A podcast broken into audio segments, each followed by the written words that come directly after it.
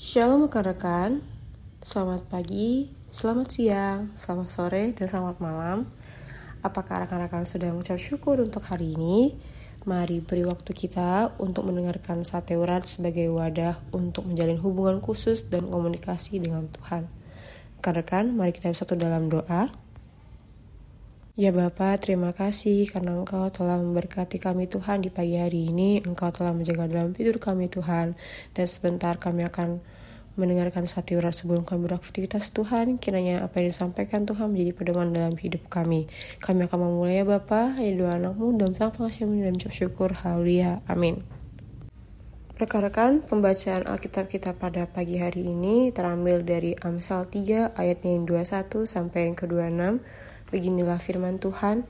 Hai anakku, janganlah pertimbangan dan kebijaksanaan itu menjauh dari matamu. Peliharalah itu, maka itu akan menjadi kehidupan bagi jiwamu dan perhiasan bagi lehermu. Maka engkau akan berjalan di jalanmu dengan aman dan kakimu tidak akan terantuk. Jikalau engkau berbaring, engkau tidak akan terkejut, tetapi engkau akan berbaring dan tidur nyenyak. Janganlah takut kepada kekejutan yang tiba-tiba atau kepada kebinasaan orang fasik bila itu datang, karena Tuhanlah yang akan menjadi sandaranmu dan akan menghindarkan kakimu dari jerat. Sobat muda, siapa di antara kita yang perlu healing? Biasanya kita yang capek dengan kerjaan yang menumpuk, suntuk, stres karena putus dengan pacar perlu healing. Sebenarnya bukan healing, tapi refreshing. Sebab healing itu artinya seseorang mengalami pemulihan namun dengan proses yang kadang menyakitkan. Dalam hidup ini, kita butuh waktu untuk memulihkan kekuatan dan semangat. Salomo dalam bacaan kita memberikan cara untuk pulih. Pemulihan yang dimaksud terkait dengan masa depan kita. Apabila saat ini dan di kemudian hari kita merasa lelah, khawatir, atau kehilangan semangat karena berbagai hal yang kita hadapi, kita bisa berkata pada diri kita ketika hal buruk menghadang, Tuhanlah sandaranku. Ia akan menghindarkan kakiku dari jerat. Kaki yang terjerat mengindikasikan kita tersandung dan jatuh. Segala sesuatu yang buruk sangat mungkin terjadi pada kita.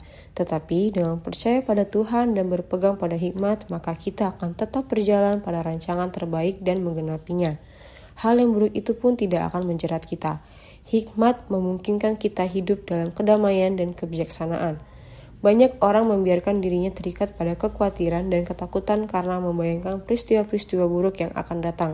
Dan pada umumnya kita akan berupaya menemukan cara untuk mengendalikan masa depan sehingga terhindar dari kesusahan.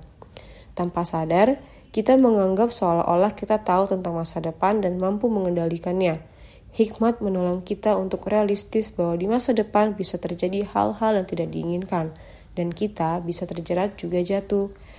Namun, kita bisa tetap memusatkan diri pada dua hal, yaitu percaya Tuhan dan bertindak dengan bijak.